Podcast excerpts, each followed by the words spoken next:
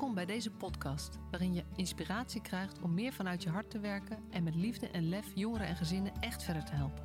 Voel je waarde, voel de passie voor je vak, voel je professional vanuit je hart. We gaan weer van start een nieuwe aflevering van de Professional vanuit je hart podcast. Ik vanaf mijn zolderkamer en ik ben online verbonden vandaag met Sander Tegelaar. Sander is de vader van Delano. Delano is zes en hij woont, uh, Delano groeit op in een gezinshuis. En um, uh, Sander wil heel graag vanuit zijn perspectief als vader een bijdrage leveren aan het verbeteren van de jeugdzorg. Um, hij doet ook een opleiding voor ervaringsdeskundigheid en nog een heleboel meer. Uh, en ik ben ontzettend benieuwd om zijn verhaal te horen. Welkom Sander. Dankjewel, welkom, dankjewel. Ja, de eerste vraag, hè, we hadden het al even over, maar ben jij een professional vanuit je hart? Ja, ja, dat, ja, wat ik zeg, dat blijf ik een lastig verhaal vinden. Professional ben ik natuurlijk nog niet echt. Alleen ik handel wel vanuit mijn hart. Alles wat ik doe, dat, is, uh, ja, dat doe ik vanuit mijn hart. Ja. ja. En als ik hem zou omdraaien, wat is voor jou? Zeg maar, je hebt veel met professionals te maken uh, en het ook te maken gehad. Voor wat kenmerkt voor jou een professional vanuit zijn hart? Zo, daar vraag je wat. Ja, uh, ik denk dat het vooral draait om menselijkheid en eerlijkheid. En ja, uh, ook eigenlijk een beetje begrip, moet ik zeggen. Ja. Hè, een, beetje, een beetje begrip voor elkaar. En uh, ja, zeg maar, gewoon een soort bruggenbouwer achter iets. Ja. Als je tweeën bent. Ja. Ja, je noemde al, toen we elkaar net spraken, steeds het woord gelijkwaardigheid. Juist, zeker. Dat is iets wat heel belangrijk is. Ja, ja. hey, want um, nou ja, jij bent de vader van Delano. En uh, ik zei al voor de, voor de grap over de app, zei ik van, goh, Delano is een beetje te jong om mee te nemen in deze podcast. Ze zei al, hij houdt heel erg van Lego en van uh, nog iets anders, ik weet niet meer wat. ja, maar kan jij... Playmobil, noem maar op. Ja. ja, en het is ook zijn echte naam, ik het voor even over gehad. En jij zegt, joh, ik vertel gewoon graag uh, over hem. Dus je bent echt hier, je zit hier gewoon als Sander met je hele hebben en houden en verhaal. En... Um... Juist omdat ik het belangrijk vind, omdat dat verhaal juist tot op de top van de details gedeeld wordt omdat het, ja, ja hoe zeg, als je dingen gaat veranderen en dingen gaat anders doen, ja, dan klopt het niet echt werkelijk over. En ik vind het gewoon fijn om gewoon echt over te komen, zullen we zeggen. Ja, ja. ja, wat kan je eens vertellen over, uh, nou ja, de, je hebt het ontstaan van Delano en dan heb je de geboorte van Delano en dan heb je het feit dat hij niet bij uh, een van zijn ouders opgroeit, maar in een gezinshuis. En dat dan een soort van in vogelvlucht. Nou ja, het is, ik had eigenlijk een, uh, een, een, best wel giftige knippelrelatie met mijn ex-vriendin. Um, ja, daarin zijn er gewoon heel veel dingen gebeurd die niet echt, uh, niet echt heel leuk waren. Uh, zo, is zij, zo is zij met haar zwangerschap is zij in een vrouwengevangenis in Nieuwe Sluis terechtgekomen. cocaïne gebruikt tijdens de zwangerschap en noem maar op. Nou ja, goed, weinig contact. zij beviel en op een gegeven moment uh, had ik, hoorde ik twee dagen later via de maat van mij pas dat ze echt bevallen was. Dus ja, en in principe eigenlijk nog steeds nul contact. Nou, uiteindelijk een advocaat in de armen genomen. Uh, dat is ook een heel getouwtrek geweest met haar. En um, ja, op een gegeven moment heeft ze dan wel vrijwillig um, gezag en erkenning uh, gegeven. Alleen toen was het eigenlijk, het leed was al geschied. Want uh, na ongeveer anderhalve maand um, is Delano vrijwillig uit huis geplaatst. En na een half jaar was dat eigenlijk al uh, vrij snel dat hij in een perspectief biedend gezin kwam. Ja, en toen was ik nog compleet niet in beeld. En het eerste jaar heb ik dan ook compleet gemist. En daarna uh, is het pas echt gaan lopen. Ja, ja dus even. Um, nou ja, je wist dat ze zwanger was, maar jullie hadden eigenlijk weinig contact meer toen. Geen contact. Uh, maar je wist Nee, precies. Je wist dat wel en je hoorde via via uiteindelijk dat, uh, dat er een kind geboren was en dat jij vader was geworden, maar je had op dat moment nog niet erkend. En daar ben je met, met, met uh, een advocaat mee aan de slag gegaan. En dat heeft uiteindelijk met veel gedoe ertoe geleid dat je Delano wel hebt kunnen erkennen en dus een wettelijke vader ook bent. Ja. Um, maar goed, het gaat snel als, het, als een, uh, een, moeder niet goed voor haar kindje kan zorgen, of een vader. -hmm. Dus na anderhalve maand was Delano uit huis geplaatst en woonde hij in een perspectiefbiedend gezin. Ja, klopt. klopt. In eerste instantie in een crisisgezin. Alleen uh, met het oog op dat hij heel misschien nog teruggeplaatst zou worden. Maar ze kwamen er al vrij snel achter dat dat niet, uh, niet ging. Omdat A, ik buiten beeld was en moeder had helaas uh, psychische problemen. Dus dat was ja, geen doen. Was geen... Nee, nee. Weet de moeder van Delano dat je ook over haar vertelt en zo? nee, nee, nee, nee. Ik, uh, omdat wij, ja, wij hebben eigenlijk weinig contact. En iedereen die erom vraagt, vertel ik gewoon het eerlijke verhaal. En uh, ja, zo is het gelopen. Maar ik denk niet dat zij überhaupt nog bezig is met wie ik ben en wat ik doe. En uh, nee, ik denk niet dat zij daarmee nee. nee, maar ik vind het wel goed om eventjes te, voor deze podcast, zeg maar. Ik, uh, weet je, ook als mensen er niet bij zijn, wil ik altijd zorgvuldig omgaan met hoe je over mensen praat. Dus vandaar dat ik er even zelf benieuwd naar was. Ja, precies. Nee, ik denk niet dat zij mij nog, nog volgt of wat dan ook. Want wij zijn dusdanig uit elkaar dat dat wel echt ja, dat dat wel echt klaar is. Oh, ja, je oortje. Dat is wel handig met Zoom. Ik zie Sanders oortje eruit vallen. Even weer goed erin doen. Ja, dat is het hele beste deze. Nee. Hey, maar uh, de Lano kwam vanuit het crisisgezin in een uh, perspectief biedend gezin, pleeggezin terecht. is dat gezinshuis waar hij ook nu nog woont? Ja, zeker. Hij woont nu vijf en een half jaar in hetzelfde perspectief biedende gezin bij, ja. Ja, ja, bij Jaap en Janneke. Ja, zeker. Toch? Die namen zullen vaak vallen, dus dan weten, weten de luisteraars Weet gelijk wat, ja. ja. Bij Jaap en Janneke inderdaad. En daar zit hij nu vijf en een half jaar en daar zit hij gewoon echt fantastisch. Maar hoe ging dat? Want nou ja, jij had op een gegeven moment dus uh, hem erkend. Je was de wettelijke vader. Toen dacht je, nou ja, dan wil ik ook wel contact met hem, want dat had je nog niet. Nee, klopt.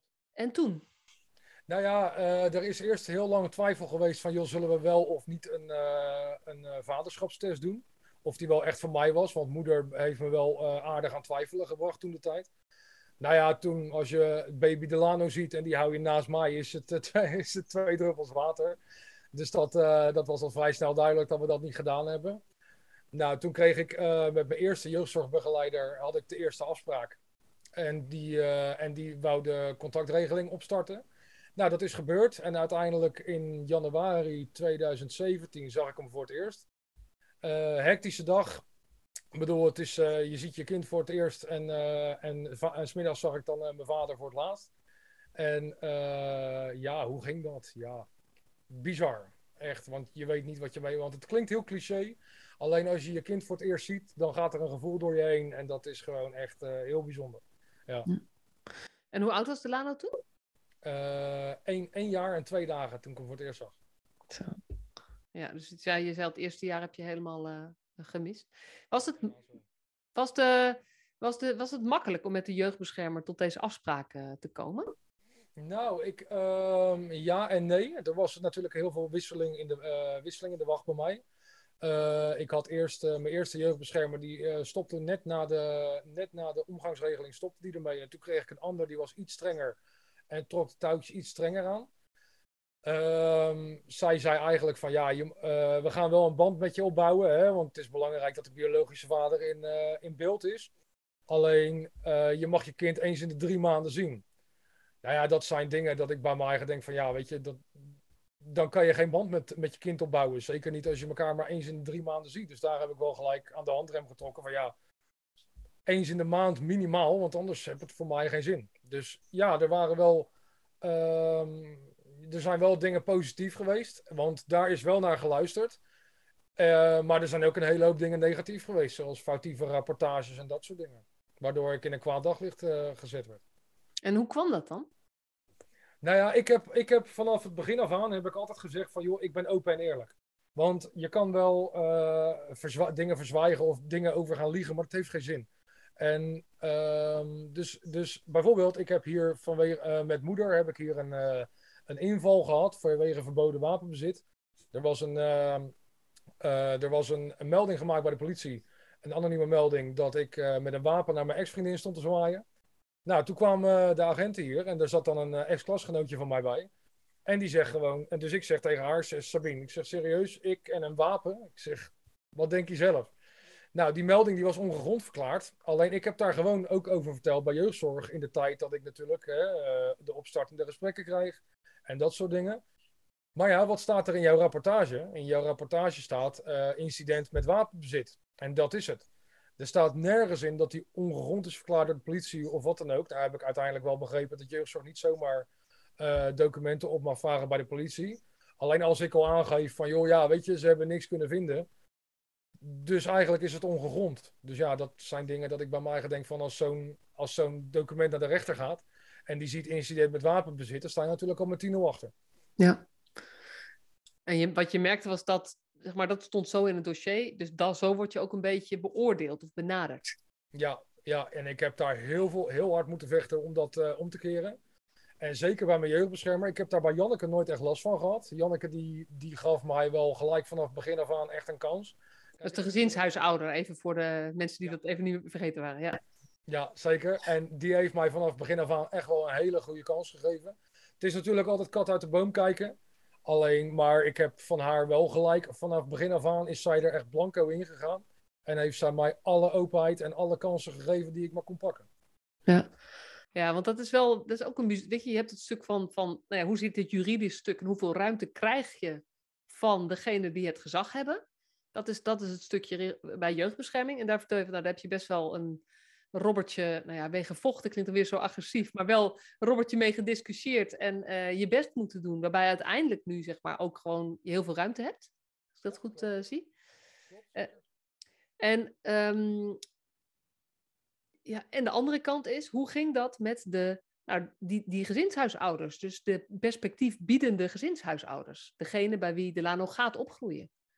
Kan je daar iets over vertellen? Nou, dat, dat liep, echt, liep echt geweldig.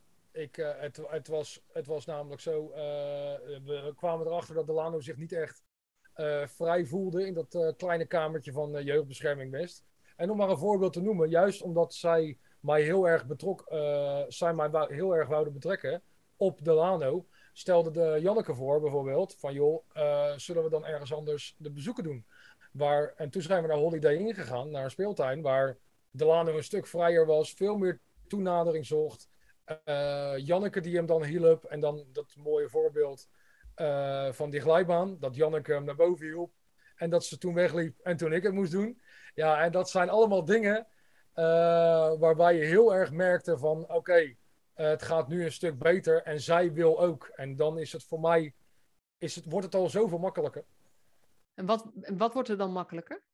Nou, die omgang het, en, het, en de acceptatie van je kind groeit op in een, in een gezinshuis. Ik bedoel, het is natuurlijk niet makkelijk. Ik bedoel, ik had hem het liefst, en tot op de dag van vandaag wil ik hem ook gewoon het liefst hier thuis hebben. Maar het gaat niet. Ik kan hem niet bieden wat, hun nodig wat hij nodig heeft.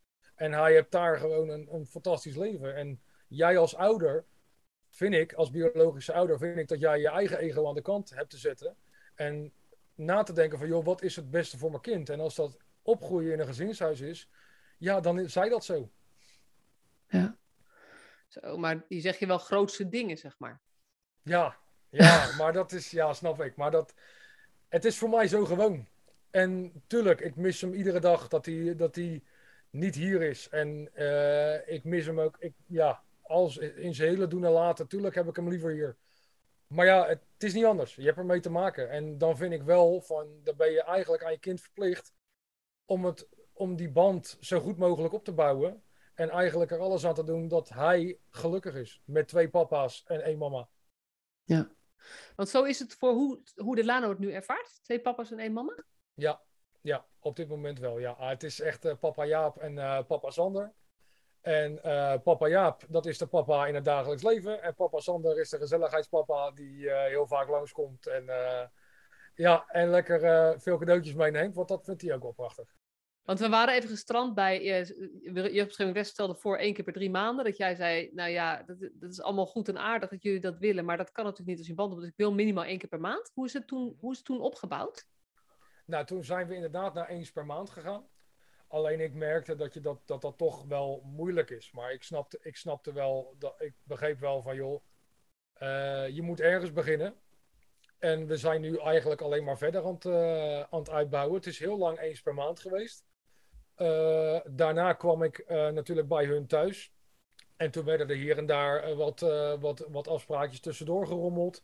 Zo kwam ik bij hun op vakantieadresjes. Ik kwam nou, wat ik zeg, bij hun thuis. Af en toe een zaterdagje tussendoor. En nu zijn we al naar eens in de, om, de, om de week gegaan. En dan ook nog wat tussendoor gerommel. Hetzelfde met laatst was ik weer bij een kerk, kerkbijeenkomst waar hun eigen dochter moest gaan zingen. Nou, hun, hun, eigen dochter, die wou dat ik daar graag bij was. Dus ja, dat, dat zijn afspraken die we tussendoor lekker grabbelen, zou maar zeggen. En dat is wel heel gaaf om te doen zo, ja. ja. ja. En is, heb je daar nog Um, want je zegt van Janneke is dat, Janneke en Jaap natuurlijk, maar Janneke is een beetje degene die met wie je het meeste contact hebt gehad, hè, dus hierover. Maar ehm, ervaar je dan dat zij dat gewoon doet, zeg maar? Of heb je het idee dat dat ook wel echt een soort van afgestemd is met Jeugdbescherming West allemaal? Nee, ik, de, ik, denk, ik denk niet dat Jeugdbescherming West er überhaupt nog tussen zit. Dat denk ik niet. Ik denk dat zij echt puur vanuit eigen beweging uh, dit soort dingen allemaal organiseert en regelt. En omdat, omdat ja, wij hebben Jeugdbescherming West daarin eigenlijk helemaal niet nodig. Want bij mij is ook, zij weet ook dat als het nee is, dan is het ook gewoon nee. Een mooi voorbeeldje, laatst was ik dan voor de Lanoze verjaardag. Uh, had ik een cadeautje voor hem gekocht. En ik denk, nou, weet je, dan breng ik dat daar. En dan kunnen hun het aan hem geven. En ik was in, in, eigen, in eigen beweging alvast daarheen gereden. Maar ja, ik heb ergens anders gewacht. Totdat zij toestemming gaf van, joh, kom maar, het is goed. En, maar nee is bij mij ook een antwoord. Als zij zegt nee, zal het kan niet, dan is het zo, dan is het nee. En hm. dan kan je je eigen wel gaan opdringen, maar dat heeft zo weinig nut. Ja, ja weet, jij, wat jij zowel bij de jeugdbescherming als bij Janneke en Jaap uh, ook echt gedaan hebt, is steeds bedenken, ja, het contact met Delano is me zo belangrijk. Ik moet zorgen dat ik met de mensen die daar ook over gaan, de relatie goed hou. Dat hoor ik in ieder geval in jouw uh, verhaal terug. Je had het niet mooier kennen van woorden, echt niet. Nee. Maar dat is, wel, ja, dat is wel wat ontzettend veel ouders heel erg moeilijk vinden. Omdat er zoveel voor hun gevoel uh, onrecht aangedaan wordt ook. Weet je, je noemt eventjes een klein voorbeeldje uit de rapportage. Nou, er, zal niet, er, zullen, er zal meer voorbeelden zijn.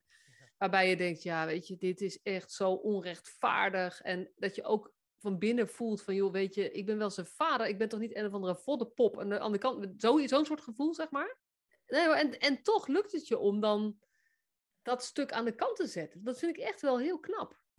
Nou ja, ik zal je vertellen. Ik, bij de gezagsbeëindigende maatregel die ik kreeg in uh, maart 2000, 2018 is dat geweest, denk ik. Uh, toen ben ik ook, heb ik ook twee stukjes geschreven. Ik schrijf een hele hoop, een heel, heel hoop van me af. En heb ik twee stukjes geschreven voor de rechtbank. En het eerste stukje was echt heel erg aanvallend. Van, joh, hoe kan je dat nou doen? Een biologische ouder uit de ouderlijke macht zetten. En uh, geen gezag meer hebben dat dat bij jeugdzorg terechtkomt. Hoe kan je dat nou doen? Hoe ben je nou zo hoe, hoe, hoe kan je dat nou verzinnen? En daarna, naar aanleiding daarvan, voordat, voordat we naar de rechtbank zouden gaan, heb ik een, uh, een gesprek gehad met Wietske, toen de tijd mijn jeugdbescherming, uh, mijn jeugdbeschermer, en uh, Janneke. En daaruit is ook gewoon gebleken van, joh, die gezagsbeëindigende maatregel, het is alleen maar formeel. Het is niet, het is niet, het, je, je bent nog steeds je vader, zijn vader, hij houdt nog steeds jouw achternaam je gezags, of tenminste je omgang gaat gewoon nog steeds door. Er verandert eigenlijk niks. Het is alleen gewoon een formeel dingetje. En ik snap best, ik was zelf ook heel erg bang. Van je, ja, dag, dan ben ik dadelijk echt mijn kind kwijt. Maar dat is helemaal niet zo. En, en eigenlijk is het vanaf toen alleen maar beter gegaan. Want ik heb toen ook aangegeven van ja, weet je, om echt een band met je kind te bouwen, moet je echt samen met elkaar zijn. En voor die gezagsbeëindigende maatregel uh, hield Janneke altijd een oog in het zeil. En dat is natuurlijk logisch. Ik bedoel, hè, een vertrouwensband moet opgebouwd worden. Alleen pas op het moment dat hij samen met mij is, dan ga je zien van hoe reageert hij op mij, wat vindt hij van mij, vertrouwt hij mij. Nou, en dat heb ik toen aangegeven. Van, ja, ik vind eigenlijk dat we te weinig samen zijn. En we hadden die rechtszaak gehad. En het eerstvolgende bezoek zei Janneke gelijk, gaan we met z'n tweeën naar de speeltuin. En als, je, als, je, als het niet goed gaat, dan weet je ons te vinden. En gaat het wel goed, dan zie ik je dadelijk om vijf uur wel. Nou, en dus eigenlijk is het alleen maar beter geworden toen. Ja. En hoe komt dat, denk je? Uh, ik denk dat dat van beide kanten komt. Ik bedoel, zij, zij moeten uh, vertrouwen hebben in, in mij. En ik moet vertrouwen laten zien. Ja. En dat zijn, denk ik, doordat je, doordat je die twee uh, punten hebt, denk ik dat je zoveel meer kan. En daardoor heel veel kan bereiken, zoals bijvoorbeeld deze dingen. Ja. Ja, ja en toch raakt het me ook wel wat je zegt hoor. Dat ik denk. Um ik vind die hele gezagsbeëindigende maatregel is natuurlijk een. Ja, daar kan je überhaupt over nadenken: van is dat nodig? Weet je, het is, het is gebeurd en jij kan je erbij neerleggen. Maar er zijn natuurlijk heel veel ouders die, zich, die dit niet kunnen accepteren. Dat, dat voor een gevoel hun ouderschap afgenomen wordt. Mm, ja, dat snap ik wel. Want dat was voor mij in het begin ook zo. Ik bedoel, ik vond het echt niet tof. En toen ik het horen kreeg, kijk ik, dat hoef je maar niet uit te leggen. Elke, iedereen weet wat gezagsbeëindigende maatregel betekent. En dan ga je in gesprek met de Raad voor Kinderbescherming, met, jeugd, met jeugdbescherming. En ja, het lijkt wel alsof ze, wat jij ook zegt, dat je kan lullen als brugman, maar dat je me eigenlijk al kwijt bent. En dat, dat had ik al, dat vermoeden had ik al. En ik, maar ja, je hebt je best gedaan. En uh, vanaf dat moment is het gewoon van, ja joh, eigen ego weg. En zo gauw als dat, uh, zo gauw als dat jouw omgang gewoon uh, normaal doorgaat en zelfs uitgebreid wordt. Ja, wat maakt dan dat kleine woordje gezag dan nog uit? En tuurlijk, tuurlijk, ik geloof echt wel dat, dat, dat je daar tegenaan loopt en dat dat heel vervelend is. Maar is dat echt zo belangrijk, dat woordje gezag? Als je, als je omgang met je kind gewoon goed gaat en gewoon doorgaat, dan vind ik dat woordje gezag eigenlijk niet meer zo belangrijk. Ja. En wat, wat heeft bij jou geholpen om dat, uh, nou ja, het is bijna een soort omdenken, om, dat te kunnen, uh, te kunnen doen, om dat nou, toch opzij te kunnen zetten? Want je zegt, het is een groot ding. Weet je, ik, je praat er makkelijk over, licht, lichtvoetig ook wel bijna, zeg maar. Terwijl ik ook weet hoe pijnlijk dat is voor ouders. Weet je, ik ben zelf uh, ouder, dus ik probeer me dat dan voor te stellen. Nou, het, is, dat is echt heavy. En ik snap wel dat het een groot ding is. En jij zegt, ja, maar ja, dat is een klein dingetje, het zit maar in een woordje. Wat maakt dat je dat kan? Zo, ik denk ook gewoon een stukje acceptatie. Uh, het is bij mij natuurlijk helemaal niet. In het begin is het helemaal niet goed gegaan. Ik bedoel, wij hadden. Wat ik zeg, wat ik al aangaf. Ik had met mijn ex had ik gewoon echt een giftige knipperligrelatie. En dan, ik ben altijd heel erg van het vergelijken. Als ik dan kijk wat hij nu heeft. En, en de tijd dat. En de tijd dat, ik, uh, dat hij dan uit huis geplaatst werd. Wat wij hem dan had kunnen bieden. Dat is zo'n wereld van verschil. Dat is niet normaal. En, en, en dan wij eigenlijk. Uh, en ik geloof echt wel dat ik en mijn ex uh, tot op de top van ons kunnen echt wel alles hadden gedaan om hem gelukkig te maken. Maar wij hadden niet kunnen tippen aan het niveau van Jaap en Janneke. En dat is gewoon zo. En dat is echt niet om, om jeugdbescherming of een, of een gezinshuisouder een veer in de reet. Helemaal niet. Alleen, dat is gewoon de waarheid. En dat moet je onder ogen komen. En uh, dat is denk ik heel belangrijk in dat proces wat ik doorgemaakt heb. Ja, eigenlijk heel eerlijk zijn naar jezelf over wat je te bieden hebt zo belangrijk. En is dat genoeg voor jouw kind? Ja. Ja. Dat is de vraag die je eigenlijk gewoon zelf moet stellen. En heb je dat gewoon zelf zo bedacht tot die conclusie gekomen? Nou, ik heb, ik heb natuurlijk uh, best wel een ommezwaai gehad. Ik heb, ik heb uh, heel lang uh, ook in die negatieve fase gezeten. Ook in woede en continu overal tegenaan schoppen. En uh, dat heb ik ook gedaan, totdat de ommekeer kwam natuurlijk dat ik in de kroeg stond in Amsterdam. En daar heb ik dan een man ontmoet. En uh, ja, die zei eigenlijk gewoon heel simpel van... joh, het, gaat, niet, uh, het gaat niet goed met jou. Nou, daar heb ik toen mijn verhaal neergelegd. En toen zei hij eigenlijk heel simpel van... ja, maar moet je luisteren, je kan wel bij de pakken neer gaan zitten... en je kan je kind wel laten gaan. Alleen dan, dat vergeef je jezelf nooit. En dat is voor mij echt een ommekeer geweest. Toen dacht ik van, nou, die man die heeft nog gelijk ook. En ja, dat, dat is voor mij echt de ommezwaai geweest. En toen ben ik echt alles in het werk gaan stellen om mijn zoon, ook al is het op afstand, gelukkig te maken.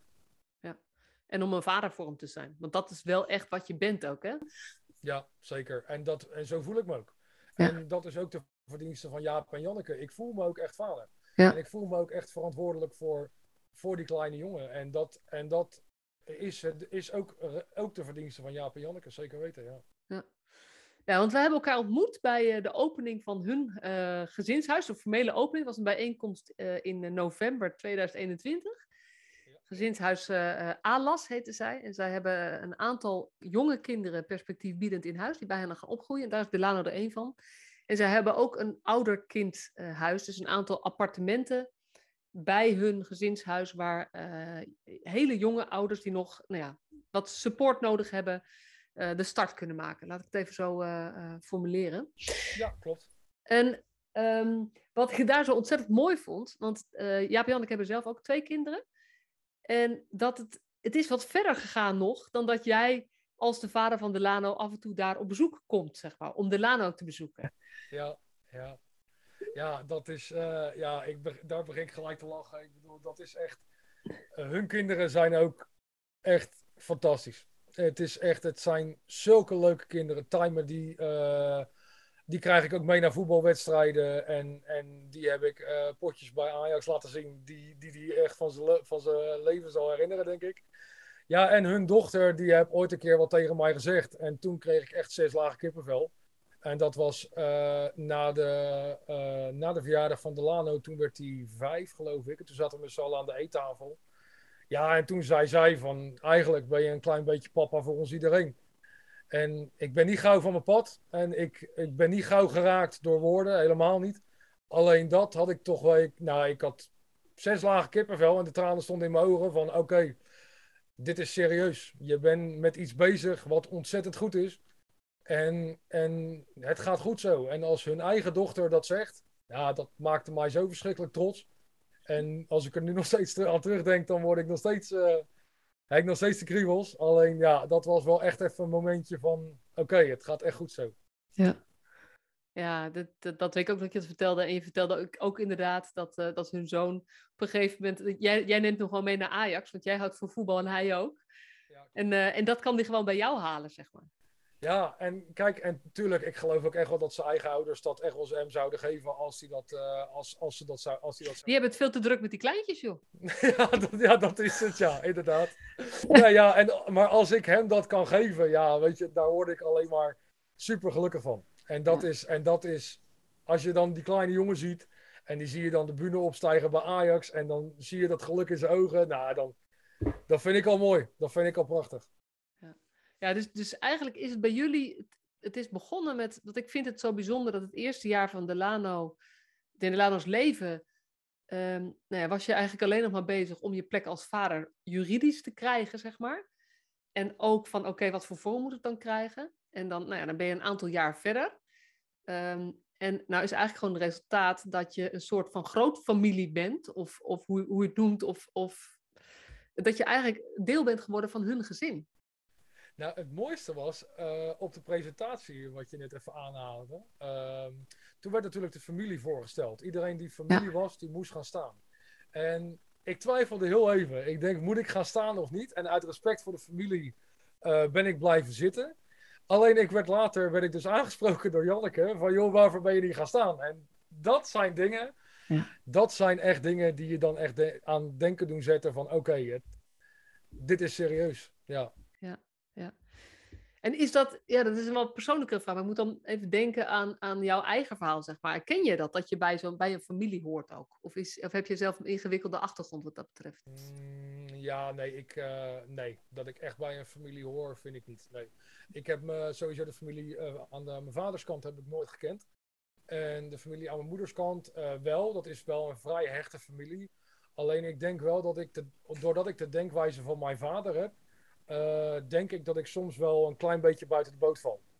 En uh, ik ben recht door zee. Ik, ben, uh, ik heb mijn hart op mijn tong. En, en de familie van mijn moeder juist weer niet zo eigenlijk. Hm. En, doordat, en, de, en juist doordat ik het hart op mijn tong heb, zijn er soms wel eens wat scherpe opmerkingen die me niet in dank af worden genomen, zou ik zeggen. Ja, ja. Ja, precies. Dus het is voor jou ook gewoon fijn om die plek nu, uh, nu de, in, erbij te hebben. Laten we dat zo even noemen. Het oh. voelt wel nieuw, ja. Ja, ja, ja precies. En, en dat het ook zo helemaal is, ook die verwondering. Want het is, het is echt mooi om jou te zien stralen dan ook uh, daarin. Ja. Ja. Uh, daarvoor was ik ook zo verschrikkelijk trots dat ik mocht spreken en mijn verhaal mocht doen tijdens uh, de openingsmanifestatie. Dat was voor mij een ontzettend grote eer. Wat, heb, wat was daar je belang, het belangrijkste stuk van jouw verhaal? Mm, ik denk ook voor nou, ik, nou, ik denk eigenlijk het opbouwen van de band hoe dat gegaan is. En ik denk ook dat heel veel andere ouders daar misschien, uh, nou een voorbeeld wil ik niet zeggen, maar uh, wel heel wat aan zouden kunnen hebben. Het, het opbouwen van een band, niet zozeer met alleen de, uh, het, het gezinshuis, maar ook gewoon met je eigen zoon en alle factoren die daarbij komen spelen. En als je dan als je dat goed kan verwoorden, dan denk ik dat heel veel mensen daar wat aan hebben. En dat heb ik hopelijk goed kunnen doen bij het uitspreken van mijn presentatie ja.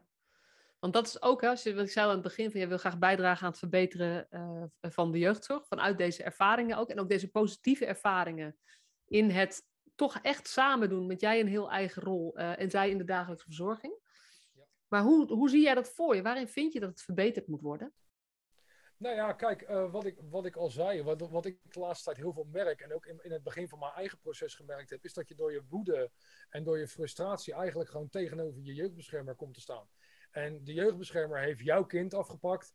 Uh, hun zijn verantwoordelijk en hun doen moeilijk. En uh, het kind hoort bij zijn biologische ouders. Nee, dat is niet zo. Ja, tuurlijk. Ja, maar aan de andere kant, je hebt ook niet voor niks met jeugdzorg te maken. Er is iets gebeurd, er is iets aan de hand, waardoor je met jeugdzorg te maken hebt. En wat is dat dan? En dat zijn dingen dat ik, dat ik misschien kan verbeteren. Het zelfbesef, het stukje acceptatie, waaruit je veel beter kan handelen. Want hoe sneller je een vertrouwensband opbouwt, hoe beter. En eigenlijk wat ik heel erg nastreef, en dat was in het begin van mijn ervaringsdeskundigheidopleiding, is dat je eigenlijk als bruggenbouwer naast elkaar komt te staan. En, en dat vind ik naast elkaar staan in plaats van tegenover elkaar, dat scheelt al zoveel. En als je daar eens mee begint en het dan voor de rest kan uitbreiden, denk ik dat je tot veel meer dingen in staat bent uh, dan wat heel veel ouders denken. Denk, ik geloof echt wel dat je dan, um, ja, als jouw thuissituatie gewoon goed is en, en jij handelt niet vanuit je woede, maar uit, uit naam van je kind, dat je dan gewoon heel veel meer kan bereiken dan dat jij zelf denkt. Ja, ja en dat, dat vind ik wel grappig, want, want um, ik zei tegen jou net dat als, als ik het heb over samenwerking tussen ouders en professionals, vind, vind ik dat professionals de eerste verantwoordelijkheid hebben om open te staan voor die ouder. En jij uh, benadert het echt van de andere kant, want jij, wil, jij spreekt eigenlijk die ouders aan. Jij wil eigenlijk ik weet je, een aanspreken in positieve zin, zeg maar. Je wil ouders ook hoop geven en ook zeggen, joh, het heeft ook met jezelf te maken. Jij hebt zelf invloed op hoe die relatie met die professionals is. Zeker, en hoe sta je daar zelf in? En, en want als jij er al met dubbel gestrekt been in gaat, in plaats van een schouderduw, uh, om even in de voetbaltermen te blijven, dan, uh, ja, dan, dan, gaan, dan gaat zo'n jeugdbeschermer ook zeggen van, ja, hou even, uh, cool down. Kijk maar even met wat je wil, maar als je zo gaat beginnen, dan bereik je gewoon vrij weinig. En, en die gedachte, die snap ik. En, en daarvoor kan je in mijn ogen gewoon beter relaxed en, en ontspannen zijn, dan dat je gelijk uh, in je woede en in je agressie gaat handelen. En dan denk je ook eigenlijk niet in het belang van je kind eigenlijk, dan denk je in het belang van jezelf. Ja, en tegelijkertijd denk ik, um, zoals je het nu even heel makkelijk zegt, het is makkelijk als je dat gedaan hebt, maar klinkt het bijna als, weet je, ook al ben je kwaad, ook al voel je je onrechtvaardig behandeld, je moet het allemaal maar opzij zetten, je moet in het belang van je kind, terwijl dit, dit, ja, dit, doe je, dit is niet de knop die je omzet of zo. Tenminste, bij jou wel. Maar wat doe je dan met al die gevoelens die je ook hebt? Ja, en ik heb, ik heb, ook, die gevoel, ik heb ook dat gevoel van onrechtvaardigheid gehad. En ik heb ook gehad van ja, natuurlijk, natuurlijk wil ik mijn kind hier hebben en daar wil ik alles aan doen. Alleen handel je daar vanuit, vanuit je woede en van je agressie, en, of handel je uit uh, het respect voor je kind. En, ja. en dat vind ik voornamelijk heel belangrijk. Want wat ik, wat ik al aangaf, je kan ik denk niet dat het zin heeft om uit woede te. Ik had ook naar mijn jeugdbeschermer kunnen gaan van. En mijn kind komt nu naar huis en ik ben er klaar mee en ik ga hem halen en noem maar op. Maar dat heeft geen nut. Het heeft totaal geen nut. En, en als je dat besef hebt, en ik snap het, dat is niet zomaar een knop die je omzet. Maar dat is wel de knop die je moet vinden op weg naar ja. uh, iets veel mooiers. Dat denk ik. Ja, dus het is ook echt heel mooi. Het, ga, het, gaat niet over, nee, maar je moet zorgen dat je die woede niet meer voelt. Of, zeg maar, dat, dat, is, dat, is, dat is onderdeel van het proces. Maar wat jij en dat herken ik wel in wat ik heel erg tegen professionals ook zeg. Laat je je uh, eigenlijk van de wijs brengen door al die dingen waar je niet direct invloed op hebt. Of ga je zoeken naar waar jij invloed op hebt. En hoe meer jij gaat kijken wat je zelf, waar, waar je zelf invloed op hebt, dan gaat het alleen maar over wat is nou de, hoe krijg je nou het meest voor elkaar? Dat is eigenlijk wat jij zegt. Het gaat niet over wat beter is, maar het gaat eigenlijk over, weet je, als, nou, als jij nou echt contact wil met je kind, wat is dan de beste strategie? Dan is de beste strategie, even los van wat we er allemaal van vinden, maar de beste strategie is, ga niet je woede en agressie um, laten merken. Laat dat niet de boventoon voeren. Kies een andere toon, want daarmee krijg je meer voor elkaar. Nou ja, en zo is het. En niet anders. Ja. Want, want uit woede handelen, nou, dat, daar is nog nooit iemand beter van geworden in meerdere facetten van het leven niet. En dan hebben we het nog niet eens alleen over de jeugdzorg, maar in, in vele andere dingen ook. En ja, weet je, als jij gewoon echt handelt vanuit je rust en vanuit je, uh, gewoon je normale uh, doen en laten, dan denk ik dat je veel meer voor elkaar krijgt. Veel meer. Ja. Ja. En in mijn situatie was het dan niet, uh, nog steeds niet, was het niet mogelijk om de Lano terug te krijgen. Maar wat nou Eh, als dat iemand wel is, die iemand, iemand die wel een eigen woning heeft, iemand die wel zijn dingetjes op de rit heeft, moet je dan ook vanuit je moeder gaan handelen? Nou, dan kan, ik, dan kan je er donder op zeggen dat je je kind niet terug gaat krijgen. Precies, worden je problemen groter. Ja. Juist, dan worden de problemen alleen maar groter. En als jij dan laat zien van kijk eens, ik heb mijn zoontje onder controle, alles gaat goed, ehm, alles is weer op de rit, zie je wel dat ik het kan. Dus dan bewijs je en jezelf een dienst, je bewijst je kind een dienst en je laat jeugdzorg zien van zie je, eigenlijk ben jullie helemaal niet nodig. Ja. En ik, nee, ik neem aan dat, dat er meer professionals naar deze podcast luisteren dan ouders. Dat neem ik aan. Wie, wie weet wat nee, jij gaat het misschien delen, dus dan wordt het misschien anders. Maar hoe kunnen professionals ouders nou helpen? Die in, als jij je even voorstelt, terugdenkt aan die tijd dat je nog wel in die woede zat en dat onbegrepen voelen en die onrechtvaardigheid en die, die fouten in de dossiers. Ik praat even door, kan je even nadenken. Ja, dat is tof.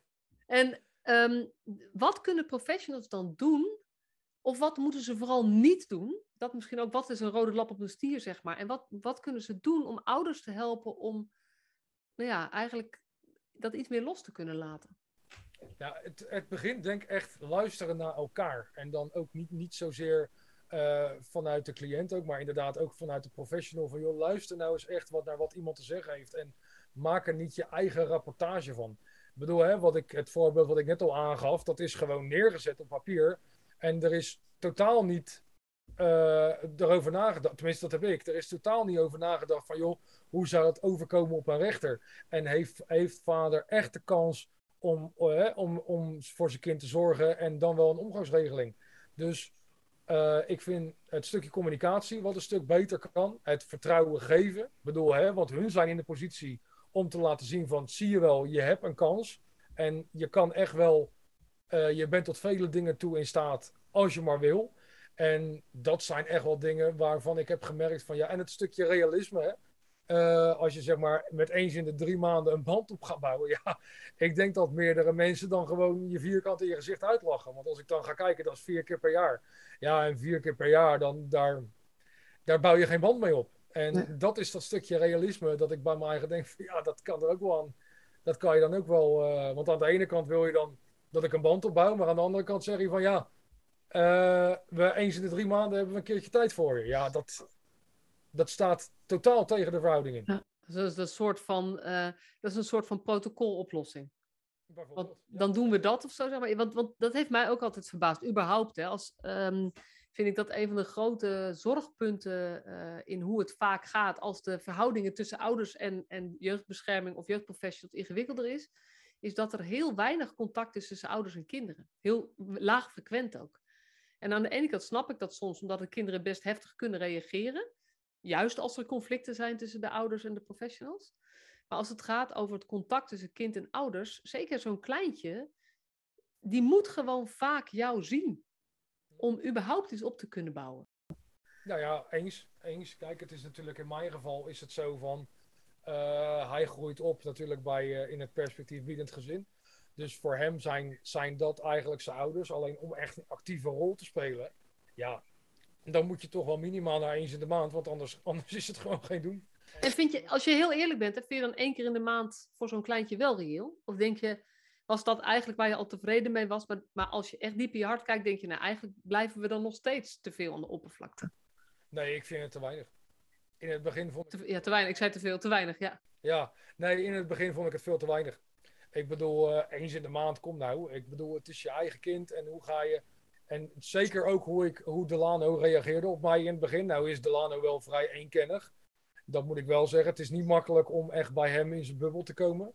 Alleen, uh, ja, eens in de maand, jongens, waar zijn we mee bezig? En, en dat zijn wel dingen dat ik wel bij mijn eigen gedacht heb van ja, weet je, dit is eigenlijk gewoon, ja, eigenlijk gaat nergens over. Want het is je eigen kind. En hoe ga je een band opbouwen met eens in de maand? Dus ik heb zeker ook die gedachte gehad van ja, uh, het zou wel, de frequentie zou zeker vaker mogen.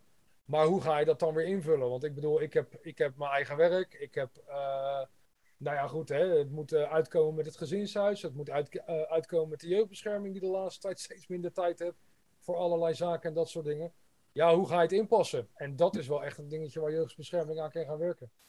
Nou, weet je, en dat vind ik ook, ook um, dat zet mij ook aan het denken. Ik, podcast nummer 100 was een gesprek met, uh, met uh, een, ja, wat is een hoogleraar justitiële jeugdinterventie, maar die weet heel veel van strafrecht.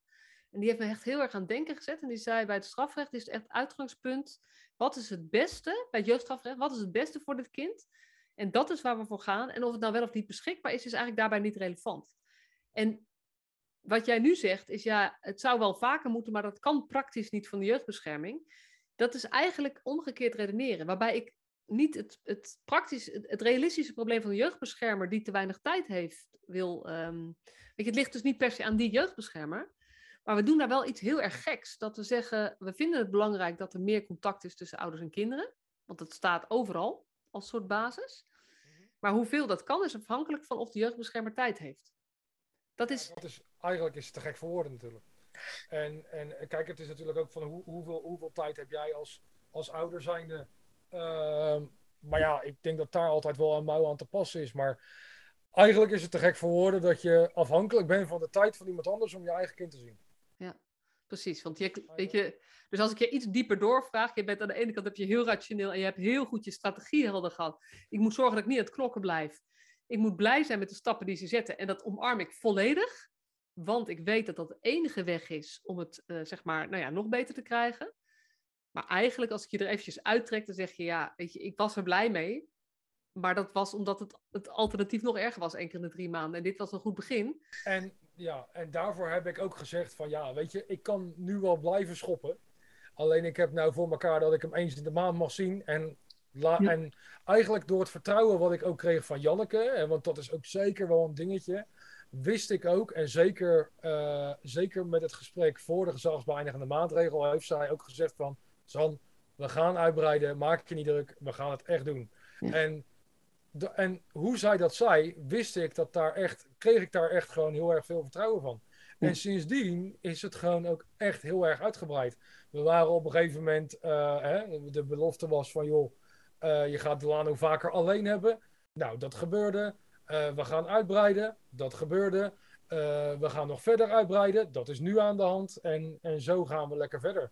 En het mooiste is, denk ik, dat de jeugdbescherming niet eens die is helemaal niet meer betrokken. Wij regelen het allemaal samen.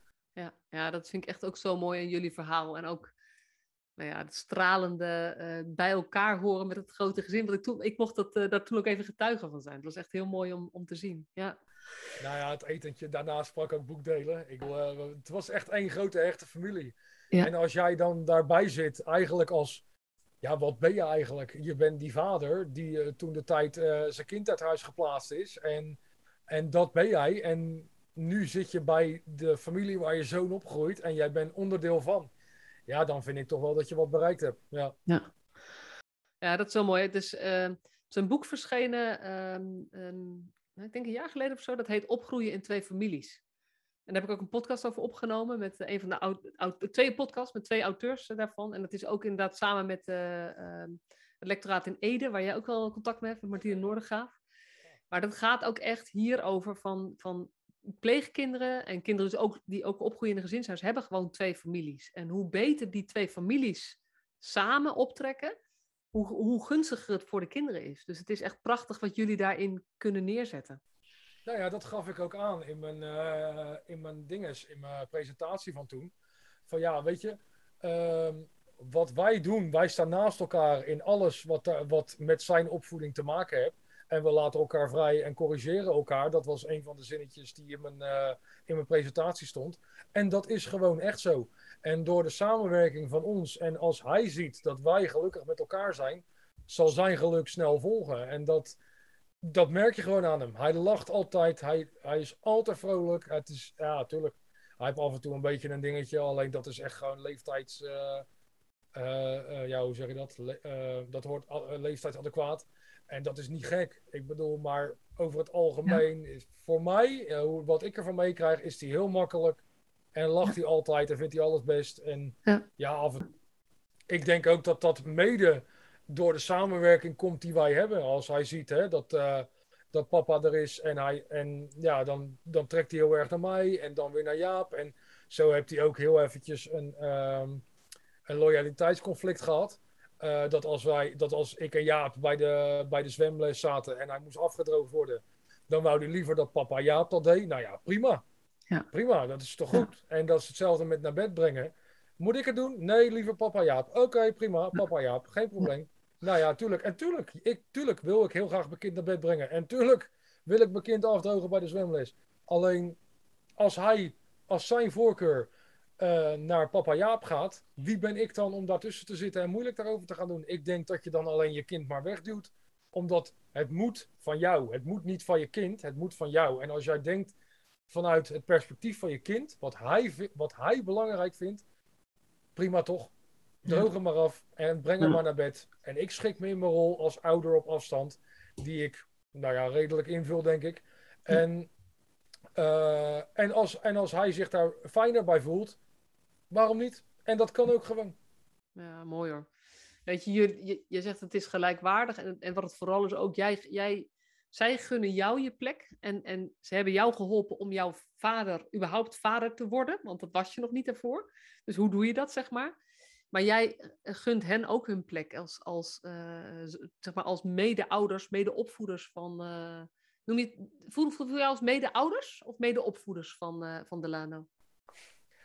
Heel stiekem, het voelt als familie.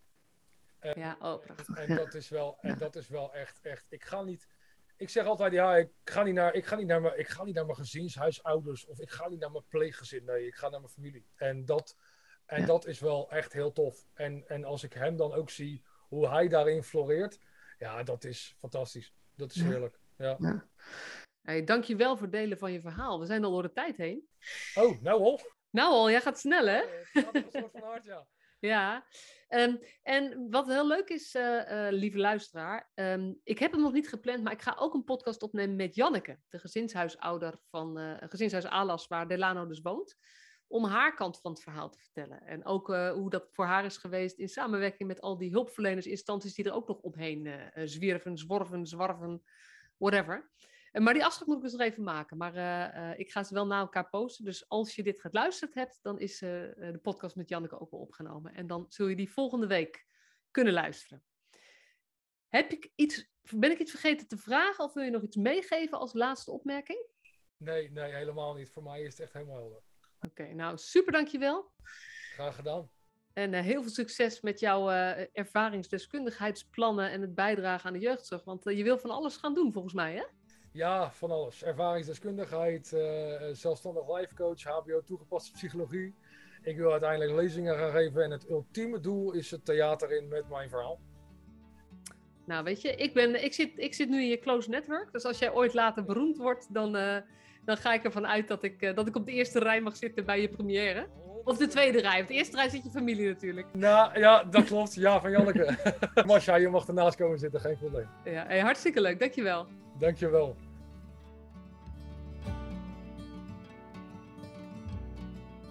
Superleuk dat je weer luisterde naar deze podcast. Dankjewel. Nog even kort een paar belangrijke dingen. Ten eerste, het is mijn missie dat de jeugdhulp weer een sector wordt waarin bevlogen, liefdevolle professionals jongeren en gezinnen echt verder helpen. Daarom maak ik deze podcast voor jou. Wil jij deel uitmaken van deze beweging van Professional vanuit je hart, waarin professionals elkaar steeds opnieuw inspireren? Begin dan met het lezen van mijn boek.